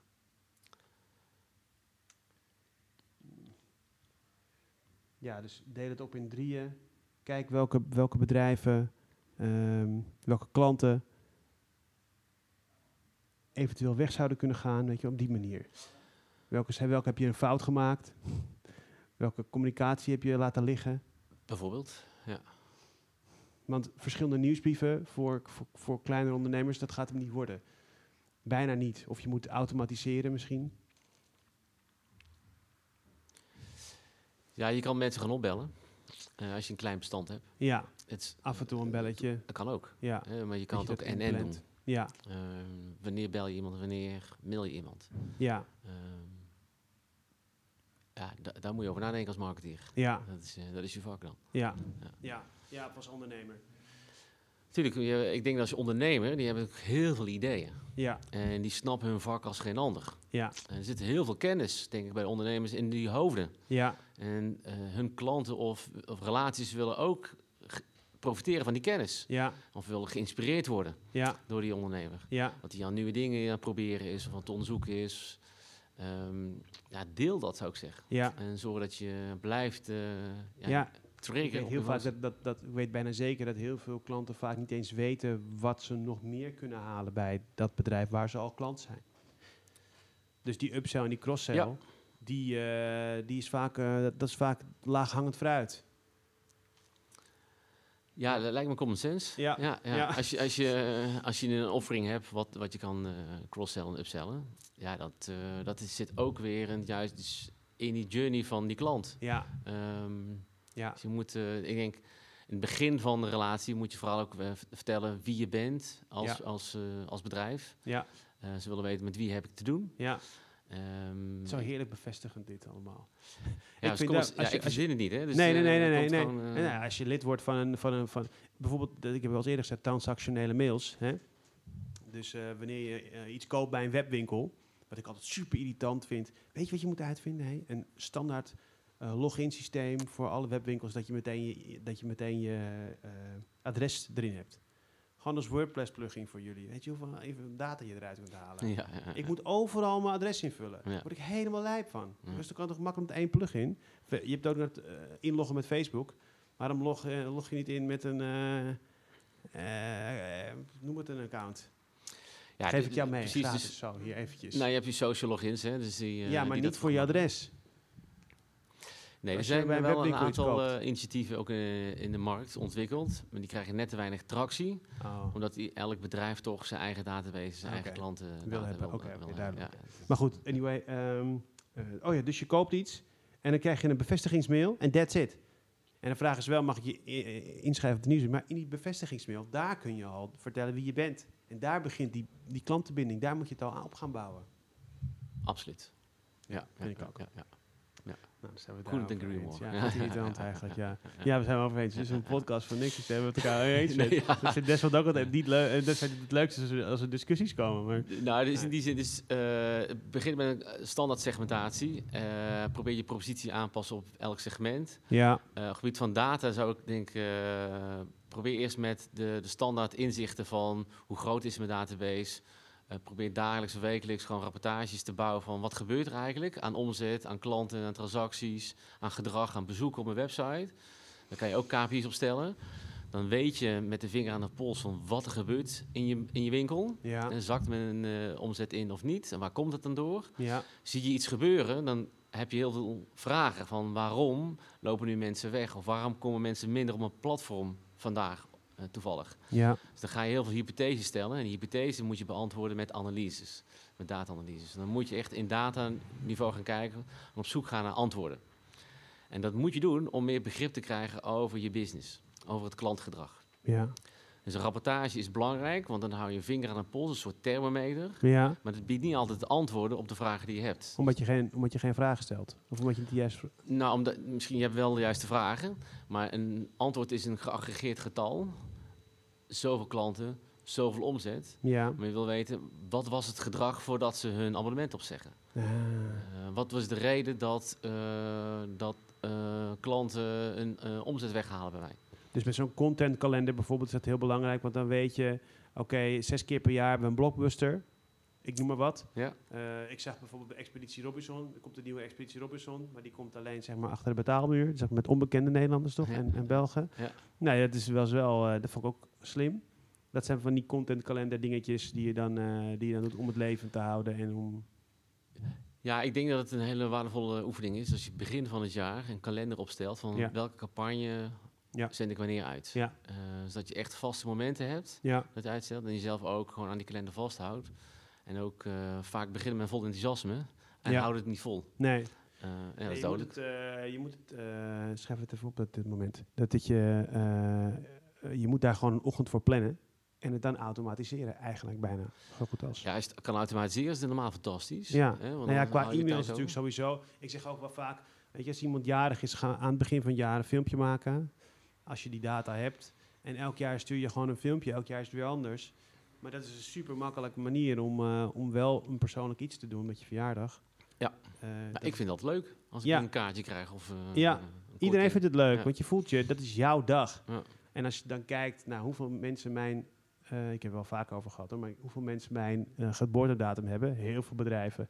Bijna niemand stuurt iets. Ja. Heel weinig. Ik weet zeker dat daar superveel op. Uh, alleen wat ik, dan, wat ik dan weer vind, is dan krijg ik een kortingsbon voor mijn verjaardag. Ja, ja, ja. ja. Maar dat is geen attentie, dat is gewoon een sale. Ik weet dat die 5 euro korting die ik krijg, ten eerste denk ik, ja, wat, uh, bijvoorbeeld, de, bijvoorbeeld de Wii. Weet je wel? Die kledingwinkel. Die stuurt, Ja. die stuurt tot wel wat. Maar dat is een, dat is een, een, of een percentage cadeaubon. ja. Dat is gewoon keiharde sales. ja. Dat zie ik toch doorheen? Dat is toch niet aardig? Dat is Ja. niet sympathiek? Stuur dan een paar sokken. Denk, of zeg dan, kom naar de winkel en haal een paar gratis sokken op. Ja, ja, Dat is een cadeautje. en een paar sokken. Ik weet dat een paar sokken kost 30 cent. Ja. En dan ben ik weer in die winkel. En dan kunnen ze zeggen, je kan trouwens wat uitzoeken, je hebt 50% korting. Ja, ja, ja. Dan snap ik die sales eh, wel. Maar geef me iets. Weet je, wees dankbaar voor me. ja, ja. Ja, Goed punt. banken, hypotheken, weet je. Stuur me een verjaardagscadeautje. Iets. Ja. Give me something, man. Dying here. Maar je adresseert dan een bepaalde emotie, zeg maar. Je wilt ge- gezien, gewo- eh, Gewaardeerd worden, ja, als klant. ja. En dan wil je, en als je zegt van ja, dat is pure sales, ja, dan voel je je eigenlijk gewoon niet gerespecteerd. Nee, sterker nog, je voelt je gewoon eh, hè, in je Ja, maling genomen. Dus welke emotie wil je eigenlijk bereiken op dat moment? Nou, er is een onderzoek geweest van McKinsey, groot, eh, nee, niet McKinsey, was het McKinsey? Nee, het was niet McKinsey. Shit, ik ben de naam kwijt van. Onder eh, eh, wereldwijd on- over klantloyaliteit en hoe dat dan, eh, hoe mensen dat ervaren. Nou, ja, de allerbelangrijkste was natuurlijk emotionele drijfveer. Dus alle ratio kon je gewoon bijna over, gewoon overboord gooien bij Mhm. eh, emotionele loyale binding. En ehm, eh, er zijn zeven indexen belangrijk gevonden worden. Dus bijvoorbeeld verrassing, plezier, a sense of belonging, weet je wel, betrouwbaarheid. Mhm.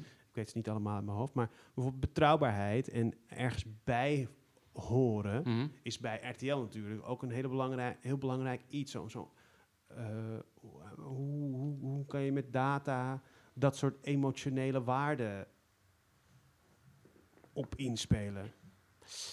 Ja, wat we nu doen is we analyseren ehm, eh, de, de audio, de tekst, wat men uitspreekt. Dus wat zeggen ze aan tafel bij Bo? Of wat zeggen ze bij goede tijden, slechte tijden? Dus wat zeggen die acteurs? En welke in die woorden, al die teksten kunnen we koppelen aan emoties. Hmm. Dat doen algoritmes. Oh. Dus dan weet ik precies welke type emotie in welke scène dominant is. Oh. Dus als je die zeven emoties hebt, die zeven emoties die worden continu, per minuut worden die gemeten. En dus je kan je voorstellen aan het einde van een episode, zeker op vrijdagavond, ja. aan het einde cliffhanger. Van de cliffhanger hebben een hele andere emotie dan op een dinsdag in het begin zeg maar, van de aflevering. Dus ah. nou, we proberen dus de emoties te kwantificeren in onze content. Nou, als we dat doen, kunnen we dat ook koppelen aan kijkcijfers. Welke emoties leiden tot de meeste kijkcijfers? Dat doen we nu al met, bij Goed en Slecht en in tekst. En, al, en ook heel veel andere programma's, ook bij Boulevard. En bij Dus dat is stap 1. Dus dan is eigenlijk audio die we dan analyseren. Wat zeggen ze? Daar hebben we ondertiteling voor als, als databron. Maar ook de scripts zelf bij Goed en Slecht lezen we in. En daar halen we emoties uit. Wow. Dus dat kwantificeren we. Een ander is ook, wat we nu ook gezichten kunnen we herkennen, face recognition. Oh, ja. En we kunnen ook uit de gezichten ook de emoties uithalen. Dat is, best, dat is wat moeilijker. Hm. Maar eigenlijk willen die twee signalen aan elkaar koppelen. Dus wat ze zeggen en wat ze uitbeelden. Nou, de ene acteur is iets beter in het uitdrukken van emotie dan de ander. Oh, zo ja. Uh, maar het, telt bij elkaar op. En zodat... Ludo is altijd boos. Ludo is altijd boos. ja, precies. Ja, ja. Maar als dat belangrijk is en kan het leiden tot meer kijkcijfers, dan kunnen de, de scriptwriters, hè, die willen dat weten. Dat is belangrijke input voor hun. Dus dan kunnen we dus met data kunnen we input geven aan de contentcreatie. Zo van de verhaallijn met Ludo en zijn dochter, die uh, riep bepaalde emoties op bij uh, die doelgroep. Uh, dus kunnen we die verhaallijn uitbreiden. Zo. Ja, de redactieteams uh, hebben die informatie nu. En ik weet niet precies wat ze ermee doen. Ja, we zijn daar dit jaar mee begonnen. Ah, okay, ja. Ik weet niet precies wat ze ermee doen. Uh, maar ze vragen erom. Ja, ja. Dus ik denk dat het voor hun wel informatie is. Maar het is, die staat niet op zichzelf natuurlijk. Dus het heeft ook met welke onderwerp hebben ze het over. Oh, ja. Dus de, gaat het om... het is complex, man, dit. Ja, dus het is, het is niet de emotie aan zich. Het is altijd in context. Ja, ja, ja. ja dus we, dat is één signaal en daar koppelen allerlei andere signalen of inzichten. Dus we, ja, ik zeg altijd, we bouwen een taart, zeg maar, waarin emotie ook een belangrijk ingrediënt van is. En dat alles bij elkaar geven we volgens aan de redacties schrijvers. Ja. En die kunnen daar een bepaalde verhaallijn of dat, misschien kan het helpen. Zeg maar, Dus zo proberen we de emoties te kwantificeren in onze content. En zo zou je dus, eventjes uh, verder denken, zo zou je dus ook uh, allerlei advertenties kunnen maken of content in je nieuwsbrieven, dat meten in emoties en dat weer kijken wat dat dan weer voor resultaten heeft. Ja, en een nieuwsbrief dat geen bepaalde emotie uh, triggert, zal waarschijnlijk een lagere click-through ratio hebben dan een, een, nieuwsbrief die een hogere emotie ja, ja, ja. Dat, is, op zich is dat een, lijkt me logisch. Nou ja, en je zit natuurlijk wel in een bepaalde, wat wel leuk is. Ik bijvoorbeeld, als je het over goede tijden, slechte ik kan me voorstellen dat het nog steeds heel erg wordt, dat er nog steeds heel veel loyale kijkers zijn. Toch, goede slechte tijden?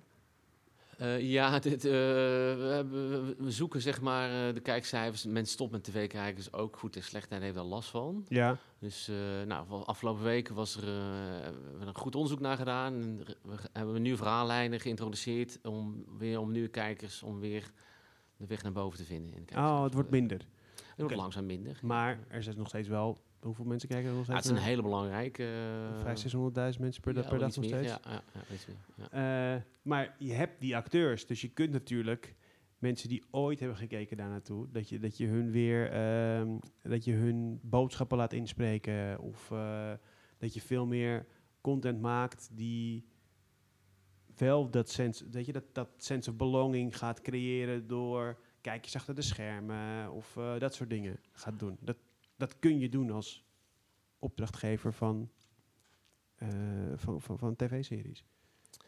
Ja, dat gebeurt soms. Dat bepaalde celebrities vragen om nog wat extra content te maken. Ja. Of backstage, ja, of ja. achter de schermen. Of vaak is het dan een beetje op social. Ja, uh, is meer op social, ja. ja. en de, ja, de ene persoon leent zich daar beter voor dan, dan de ander. Ja. je trekt gewoon al een bepaald publiek. Ja. je kan, dus nou ja, dat, dat doen ze bijvoorbeeld wel met mijn beperkte kennis van televisie kan ik toch blijkbaar veel opnoemen. Met Expeditie Robinson kijk ik altijd. Ja. En dan heb je het uh, praatprogramma daarna. Ja, ja, uh, uh, en dan zie je wel soms shots van alle cameramensen en zo, weet je wel. Dat is toch, toch leuk, want je wilt toch weten eigenlijk... als je echt een... Ik kijk het al 15 jaar met als dit. Dat wist je niet. En nee, je weet niet hoe zo'n programma gemaakt wordt. Dan hoor je zo'n regisseur praten. Dat vind ik toch leuk, Ik denk dat er nog heel veel mogelijkheden zijn.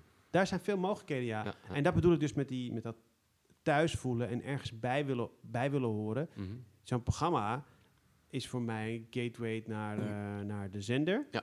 Maar het is ook, ik wil er ook bij horen. Ja. En dat doen ze wel goed met zo'n event dan erbij plannen, weet je wel. Dan gaan dus de Ja. 10.000 mensen naar zo'n finale kijken ja, en ja, een ja, ding ja, is. ja, ja. Er is dus heel veel behoefte, denk ik, aan, Ja. aan, eh, aan merken en organisaties die mensen binden met elkaar. Ja. Weet je, ik denk dat daar heel veel mogelijkheden zijn voor merken nog, omdat, weet je, ehm, de eenzaamheid groeit, omdat mensen, er zijn heel veel mensen ja, eenzaam, ja, ja. omdat ze niet meer naar sportverenigingen gaan, dus minder binding. Je hebt niet meer die kerkelijke verbinding. Je hebt mensen die gewoon in de stad gaan wonen en ver weg bij een familie vandaan wonen. Dus ik denk dat de volgende stap is dat merken daar steeds meer op in gaan spelen, op, om die, die verbinding met, tussen mensen gaan creëren. En dat zie je dus. En, en het voorbeeld is er, want mensen gaan dus met z'n allen naar kijken naar een, hoe, kijken naar een backstage pro- programma over een programma. En gaan met z'n allen naar een eh, Ja. ding. En ik weet Ja, zeker dat als je nog meer content rondom zo'n programma gaat maken. Dus eh, de, de mensen die nu al geworven zijn. Daar, kan je, daar had je al veel eerder mee kunnen bij wijze van spreken. Met, met, eh, met eh, screenings Ja, en de dingen. En. Natuurlijk moet het allemaal betaald worden. Maar zo, zo ver kan je al bijna gaan, denk ik. Alleen, Ja, ik- wat, wat ik denk dat je, is, eh, wat je bedoelt is ook dat we hebben RTL drie jaar geleden gekozen voor een fan-centric. Klinkt echt Oh. heel gek, maar een, oh ja. dat we de fan, zeg maar, we willen fans creëren Ja, van programma's, van merken. ja, Eh, het leuke is dat je natuurlijk eh media consumeert, maar het ook deelt met elkaar. Het Ja. is heel sociaal. ja. Eh, iets in je eentje kijken. Ja. Het is nog leuker om het te Samen delen te of samen te kijken. Ja, ja, te ja, delen. Ja, Dus we willen eigenlijk gewoon fans creëren voor bepaalde merken. Expeditie Robinson, ja, of van Chantal Jansen, of van The Voice, of van ja. RTL 4. ja. En er zijn fans, we hebben fanbases. Ja. En die fans vinden het heel leuk om elkaar op te zoeken. Ja, Eh, en de- voor ons is ook een taak om, dat, om die te verbinden met elkaar. ja, dat denk ik ook. ja. Eh, en zo heb je natuurlijk hele super fanatieke fans. ja, Ehm, en die eh denk aan een sociaal netwerk. Als je die kan bereiken, die gaan het verhaal nog verder vertellen. ja, Dus je moet goed weten wie zijn je social influencers ja, rondom een bepaald merk. ja. Dat zijn je fans. En die wil je uitnodigen. En die wil je uitnodigen met een glas champagne of de eerste rij zetten. ja, En die gaan natuurlijk filmpjes maken.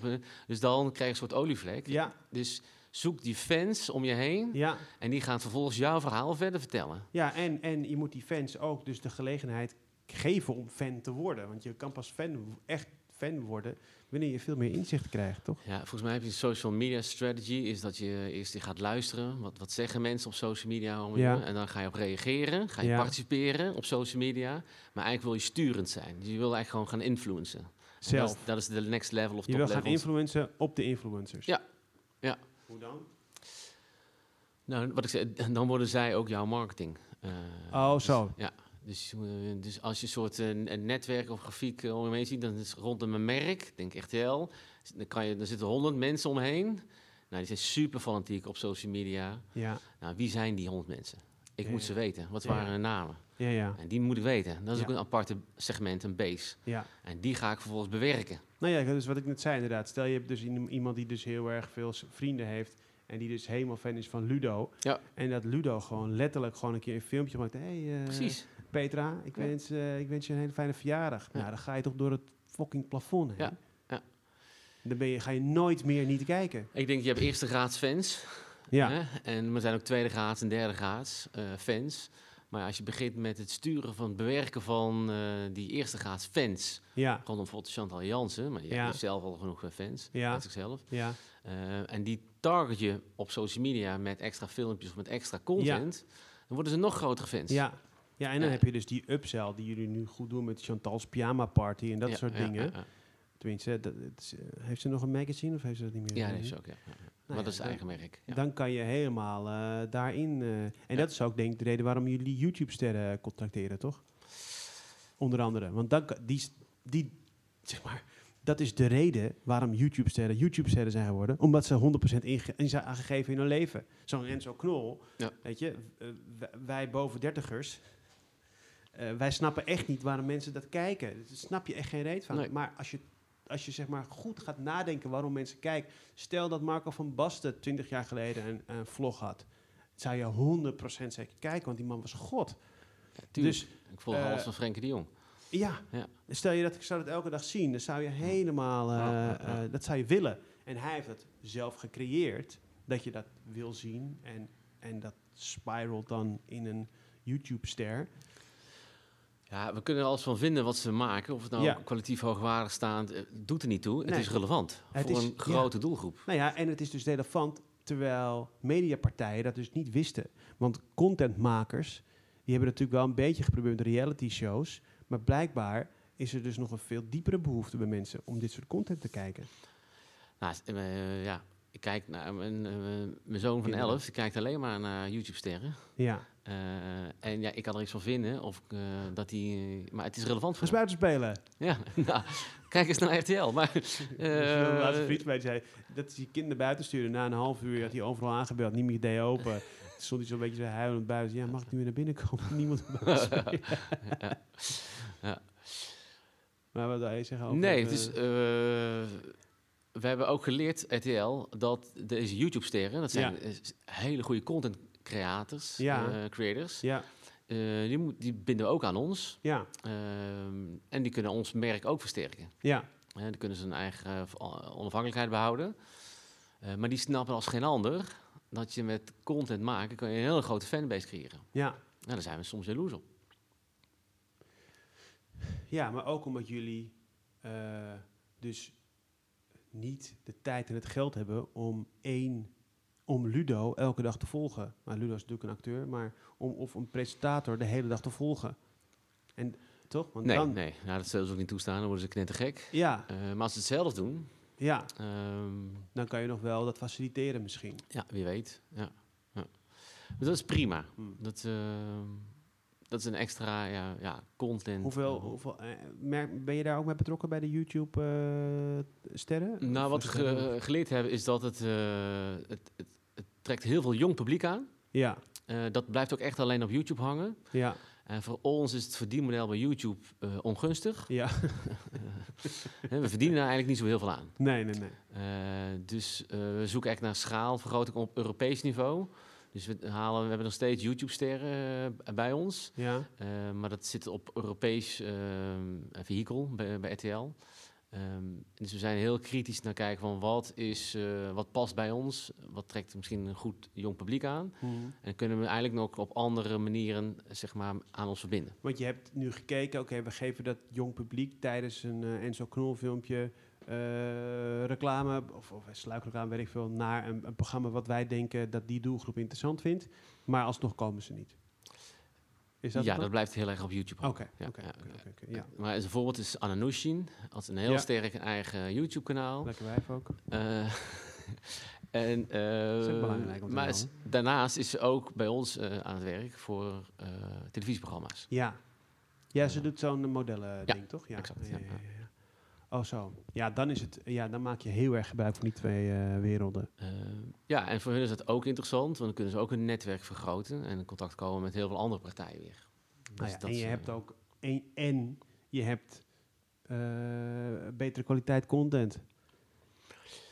Een andere type content. Ja, ja, ja. zo'n show is wel echt een show met mensen. Je hebt redactie, dus je kunt. Ja, dat wordt anders gemaakt. Ja, maar, wordt anders gemaakt. Het gaat om relevantie.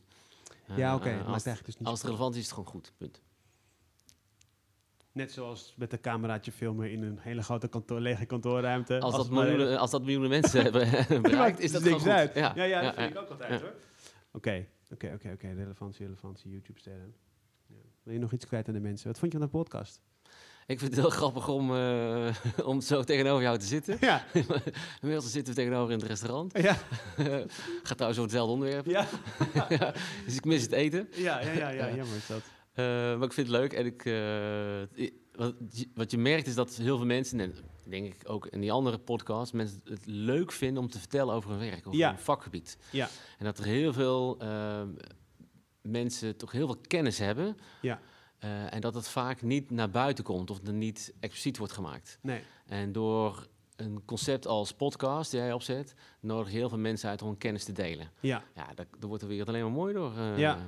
Ja, en ik vind het ook leuk, want we uh, kennen elkaar natuurlijk, maar ik vind het ook leuk om eens een keer wat diep, echt diep in die materie te gaan, weet je. En ik vind het dan natuurlijk wel leuk om het te proberen, om het zeg maar voor mijn doelgroep interessant te maken zeg, 80% van de bedrijven in Nederland is gewoon ZZP'er of MKB. Ja, Dus die denken data-analyse, holy uh, freaking hell, wat kan ik ermee? Nou, ik denk dat we daar wel best wel een, eh, een aantal leuke tips voor hebben gegeven. Ik hoop het. De grootste bedrijven die succesvol zijn geweest, uh, doen alles op basis van data. Dus daar zit waarde in. En hoe is het moeilijk en complex ingewikkeld, toch zou je erin moeten verdiepen. Ja. Want daar zit, daar zit waarde in. Ja. En dat betekent dus dat je eigenlijk slimmer kan zijn dan je concurrent. Dus je moet er iets doen. Dat is mijn uh, advies. Ja. ja, en ik denk zeker in combinatie met, met slim adverteren um, is dat heel belangrijk. Want ik denk vooral, heel veel bedrijven zitten toch gewoon te wachten op nieuwe klanten. Hè, de upsell en de cross-sell daar gelaten. Je ja. ook gewoon heel vaak nieuwe klanten. Ja. Nou, dat is, uh, heb je natuurlijk SEO, dus dat je beter vindbaar bent. Mm Maar ook, maar adverteren is ook een heel belangrijk onderdeel daarvan. Dus wat jullie ook doen met Videoland en met andere dingen. En, en, en daar die data, dat is, ja, dat, is, dat is ook een heel belangrijk onderdeel van, denk ik. Ja, ja. Als goed, daar weet je niks over, dus daar kan je niks over vragen. Uh, jawel, maar is, uh, alle advertenties uh, online zijn natuurlijk data gedreven. Ja, precies, ja. Dus, maar dat doe jij toch niet? Nou, ik lever de data aan. Ah, oh. dus, voor het salesbedrijf. en zij zoeken segmenten sportliefhebber, interesse in, in lifestyle of in nieuws of finance. Dat zijn segmenten en die worden ja, aangeboden aan adverteerders. En die kunnen ze bij ons targeten.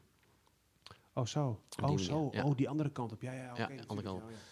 Dus ik lever audiences aan, ja, ja, ja, aan oh, adverteerders. En ik kom, willen bereik. En ik heb bereik, of we hebben bereik bij RTL. Ja. En ik vertel gewoon, deze bezoeker is een sportliefhebber. En deze is een finance uh, geïnteresseerden. Ja, ja, ja. En zo hebben we heel veel doelgroepen voor adverteerders om bij ons te komen, om hun doelgroep te bereiken. Ja, ja, ja. Want we bereiken elke dag nog 8, 9 miljoen mensen, elke dag weer. Dus uh, vandaar dat het interessant is voor heel veel bedrijven om ja, naar RTL toe te komen. Ja. Omdat we heel veel mensen bereiken, nog elke dag. Ja. En wat ik doe is uh, daarnaast, we hebben ook heel veel anonieme bezoekers die niet inloggen. Denk aan RTL Nieuws. Ja. Dus mensen komen op onze platformen loggen niet in, vertellen niet hoe ze heten. Geen Hansbreuk, geen Joffrey van Meer. Maar op basis van een kijk- en klikgedrag kan ik inschatten... dit moet een man zijn in de leeftijd van 30 tot 40. En ik kan uit zijn klik- en kijkgedrag destilleren... dit is een sportliefhebber. Dus op dat ene bezoek? Of op... Oh, Eén of meerdere bezoeken. Oh, vanwege de dus- cookies. Dus, dan, uh, dus, dan geef ik een bepaalde uh, score mee. Dus bij deze persoon weet ik het zeker. En bij deze persoon weet ik het niet zeker. Oké. En bij wie ik het zeker weet, die profielen worden tegen een hogere prijs verkocht dan profielen waar ik het net niet weet. Ah. En zo kunnen adverteerders ook weer bereik pakken.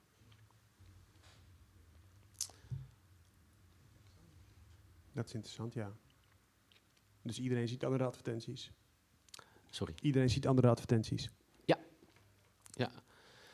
Ja, en dat gebeurt ook nog verhaal op van iedereen die man is, krijgt dit advertentie die een vrouw. Uh, het is nog heel erg uh, bereik naar uh, social-demografische kenmerken. Um, daar is de, daar kan je... Maar ja, dat meet je natuurlijk ook. Toch? Wat de kliks zijn en uh, of het goed is. En uh, je doet ook een beetje AB-testen. Als je inlogt, vragen we het uit. Dus dan weet ik het zeker. Ja. Of je man of vrouw bent. Als je niet inlogt, dan moet ik het inschatten. Ja. maar dat kan ik ook redelijk goed hoor. Met, met 70, 80 procent kan ik het nauwkeurig inschatten. Ja, toch Op basis van je kijk-klikgedrag, ja. Dus, dus, dus mannen en vrouwen zijn toch wel echt heel verschillend? Ja, ja, oud en jong, ook zeker. Oh, dit is echt een quote, hè? Ja, ja. Geoffrey Vermeer, mannen en vrouwen zijn echt heel verschillend. Klikbeet. Nou, uh, hey, kijk, zelf, kijk thuis uh, wat Astrid ziet en wat jij ziet. Ja, is dat is anders. 100% waar, ja. Dat, op basis van je gedrag kan ik afleiden of je man of vrouw bent. Nooit 100% zeker, nee. hè, want jouw kinderen kijken ook op hetzelfde device. Ja, ja, oké, ja. Maar je mobieltje is echt persoonlijk, is van jou. En dan kan ik het echt wel redelijk goed benaderen of je man of vrouw bent. Nieuwsartikelen ook, blijkbaar. Bij nieuws is dat toch wel redelijk genderneutraal, lijkt me, of toch ook niet? Ja, bepaalde type content is het wat moeilijker. Bepaalde platformen is het wat moeilijker. Maar we hebben gezien dat bij RTL XL en mobiel kun je heel nauwkeurig wel het geslacht bepalen. Kijken we naar Videoland, dan moet je inloggen. Maar stel dat, ja. uh, we zien het consumptie bij Videoland is vaak een, toch een compromis tussen man en vrouw. En daar is dat moeilijker in te schatten. Ja, samen dingen kijken. je gaat dingen samen kijken. Ja, ik moet overleggen met mevrouw wat we kijken. En dus die actiefilm met, uh, met schieten eh, komt er vaak niet doorheen. Na negen, ja. na tien. Dat hebben mijn algoritmes hebben daar moeite mee. Ja, ja. ja wereld. Hm. Ah, dus die moeten eigenlijk dan de profiel van de man en de profiel van de vrouw samenvoegen. En eigenlijk zou, je, eigenlijk zou jij dus willen dat wij allemaal een together profile hebben. Ja, ja. Nou, vaak is dat wel zo. Uh, je kan verschillende profielen aanmaken. Binnen, ja, ik ga nu morgen een together eigen profiel, voor jou aanmaken. Ja, dan zul je zien dat het uh, hopelijk dat dan ook meer relevantere. Nou, vandaar dus ja, inderdaad, dat is een, dat is een goede. Hey, dat is een tip voor iedereen. Je moet dus een samen profiel aanmaken voor de algoritmes van je favoriete platform.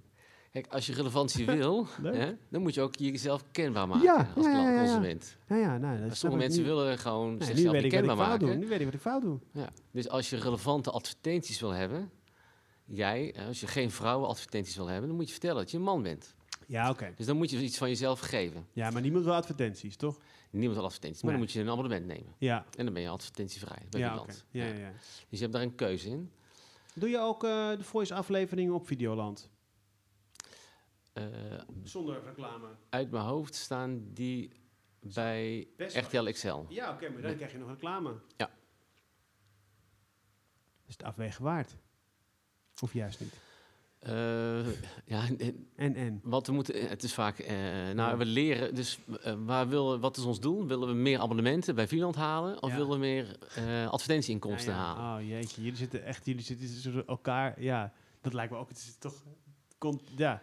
Ja, dus de ene directeur zegt van ik, wil, ik heb een target op aantal abonnementen bij Videoland. en de andere directeur zegt van nee, ik heb meer inkomsten uit advertenties nodig. ja, ja, ja. En de enige manier om dit... ik wil de voice, nee, ik. De enige manier om dit op te lossen is op, op klantniveau kijken.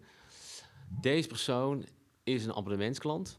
Deze is, staat open voor een oh, abonnement oh, op Videoland. En deze klant zal binnenkort geen abonnement afnemen bij Videoland.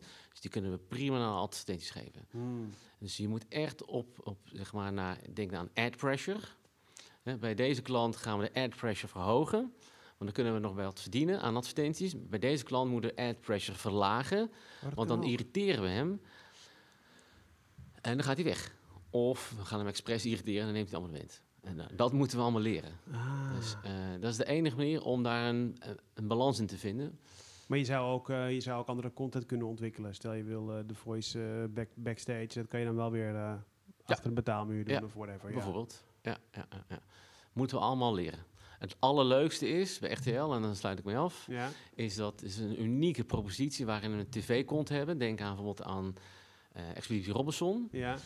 Dat zetten we dan ook op Videoland. We hebben natuurlijk ook films en series. Dat is een propositie wat Netflix ook heeft. Alleen maar films en series, maar het heeft geen tv-content. Nee. Dus Videoland is een combinatie van films en series. Denk aan Handmaid's Tale bijvoorbeeld. Maar we hebben er ook een documentaire over Badr Hari. Ja. En we hebben er ook Expeditie Robinson. Dus het is een heel rijk platform ja, ja. waar we mensen naartoe trekken. En lokaal, en in Nederlands. Je kan daar uh, voor 9 euro reclamevrij alles kijken. Maar binnenkort mag je ook ons een klein bedrag geven van 3 euro. Mag je, oh. als je niet zo'n grote portemonnee hebt, maar dan moet je een paar advertenties oh, slikken. dat is binnenkort. Dus dan geef je een keuze. Slim. Ja. En dat is natuurlijk uniek in de wereld, dat je gewoon een breed platform hebt met heel veel content. Ja. Van documentaires, lokaal content, maar ook gewoon internationale blockbusters ter beschikking hebt. En naar gelang de portemonnee van de consument kan je kiezen advertentievrij. 3 euro. Of je betaalt als 3 of 4 euro. Dan moeten we ja, oké, oké. Oh, dat weet je nog niet. Aanzien een klein bedrag. Oké. Ja. Oh, dat is wel slim. En dat is uniek in de wereld. En dat bestaat niet. En dat zijn we ontwikkelen binnen in Nederland met, met Finland. Oh, wat tof. En wie heeft dat bedacht? Jij zeggen ik? Nee, zeker niet. Nee, nee, nee, nee, nee zeker niet. Oké, nou iemand heeft dat bedacht. Oké, ja, dat is wel interessant. Omdat je dus ook ziet dat die jongeren... Kijk, iedereen kan 3 euro betalen, maar een tientje is dan weer net even psychologisch misschien ook weer eventjes wat veel. Kan me voorstellen. Toch? Ja, ja. Maar uh, kom maar naar RTL, toen kom naar ons toe en wij hebben de leukste content voor je. Ja, ja, ja. Uh, en het kan een miniserie zijn over het pesten op social gaan we media. Nou, gaan we nou de reclame maken? Of, uh, je? Is het nou reclame, is het reclameblok? Ja. Dan moest ik, even, moest ik wel eens eventjes mijn eigen logo laten zien. Shit, je hebt door. Oké, nee, maar ik snap het. Dat is wel interessant. Ah, leuk, ja. Nee, het is van, we adresseren aan de needs, aan de behoeften van de consument. Ja, aan jullie consument. En of niet bestaande consument. Er zijn nog heel veel consumenten die we nog niet tot onze klantenkring rekenen. Omdat we of te duur zijn om in Finland. Ja. Wat vind je zelf het leukste om te doen? Welke, of heb je geen voorkeur voor platformen of voor... Uh... Nee, kijk, uh, ik... Ik, uh, ik kan me voorstellen dat Videoland is zo meetbaar. En uh, daar kun je alles op loslaten. Je kan alles meten. Je kan emoties meten. Ja. Dus dat kan me voorstellen dat dat als data-nerd wat jij bent... dat dat het meest tot de verbeelding spreekt. Is het met websites dat, uh, absoluut, dat maakt mijn werk een stuk leuker. Maar ik vind echt heel nieuws ook verschrikkelijk interessant. Want dat is een hele andere dynamiek. Ja. Speelt een heel ander consumentengedrag. Ja, ja, oké, ja. Um, dan, dan bij Vietland. Dus het maakt mij eigenlijk niet zo veel uit. Ik vind ja, de combinatie, je wilt gewoon breed, je wilt gewoon verschillende type use cases. En het allerleukste, het komt allemaal samen. Ja. Dus wat je kan doen bij Netflix, kan, je ook, kan ik ook bij RTL doen. En wat je bij Google doen, kan je ook bij RTL doen. En wat je bij Facebook kan je ook allemaal bij RTL doen. Dus het is een leuke bijeen samenkomst van heel veel leuke toepassingen. Ja, het lijkt me ook heel leuk voor jou. het lijkt mij leuk om de creatieve variabelen daarvan te bedenken.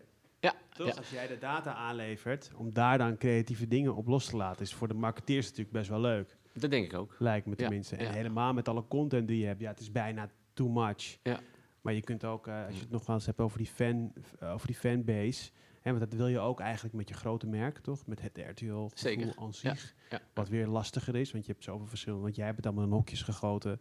En uh, iedereen heeft weer een ander gevoel bij RTL. Een man heeft misschien een ander gevoel bij RTL dan een vrouw of een kind of een bejaarde. Ja, prima. Maar um, uh, daar heb je natuurlijk zoveel content van de afgelopen jaren. Een Ron Brandsteder, ik weet niet of die bij de RTL zat, volgens mij wel, weet je. Dat zijn dingen die een gevoel van thuishoren kunnen opwekken bij een consument. Omdat ze dat ja. uh, nostalgisch gevoel, RTL 4, groot amusement, toch? Ja, absoluut. Dat kan je, ja, ja. als het dan was. Dat, dat, dat zijn ook dingen die je dan wilt delen als... En dat heb je, dan kun je gewoon als creatieveling kun je gewoon denken... Oh, laten we eens kijken wat er in dit blik zit. oh, oh, dat heb ik er ook nog gemaakt. Ik denk dat het ook heel leuk is voor marketeers. En we hebben gelukkig goede marketeers. dat is wel gaaf. En die kunnen een lol op. Ja. Absoluut. Nou, misschien moet ik er volgende keer eentje uitnodigen. Hoe je dat doet. Lijkt me goed, Nou, leuk. Graag gedaan. Leuk gesprek. Ben je in slaap van Desmond? Was nee, het, uh, oh, okay. ja, het gaat over, het, uh, over de dingen waar ik zelf ook in zit. Het is natuurlijk heerlijk dat je gewoon zei... Uh, heerlijk dat je zei dat e-mail-nieuwsbrieven natuurlijk... het lijkt wel of ik je dat voor betaald heb. Dat je betaald hebt? Nou ja, dat, dat jij zegt dat e-mailnieuwsbrieven zo belangrijk zijn. Oh, dat... Nee. ja. ja. Toch, ja. Ja, het is, het is ook te doen. Hè? Het is ook niet... Ja, je, iedereen kan een nieuwsbrief uitsturen, toch? Ja, en dus, uh, ja mensen hebben geen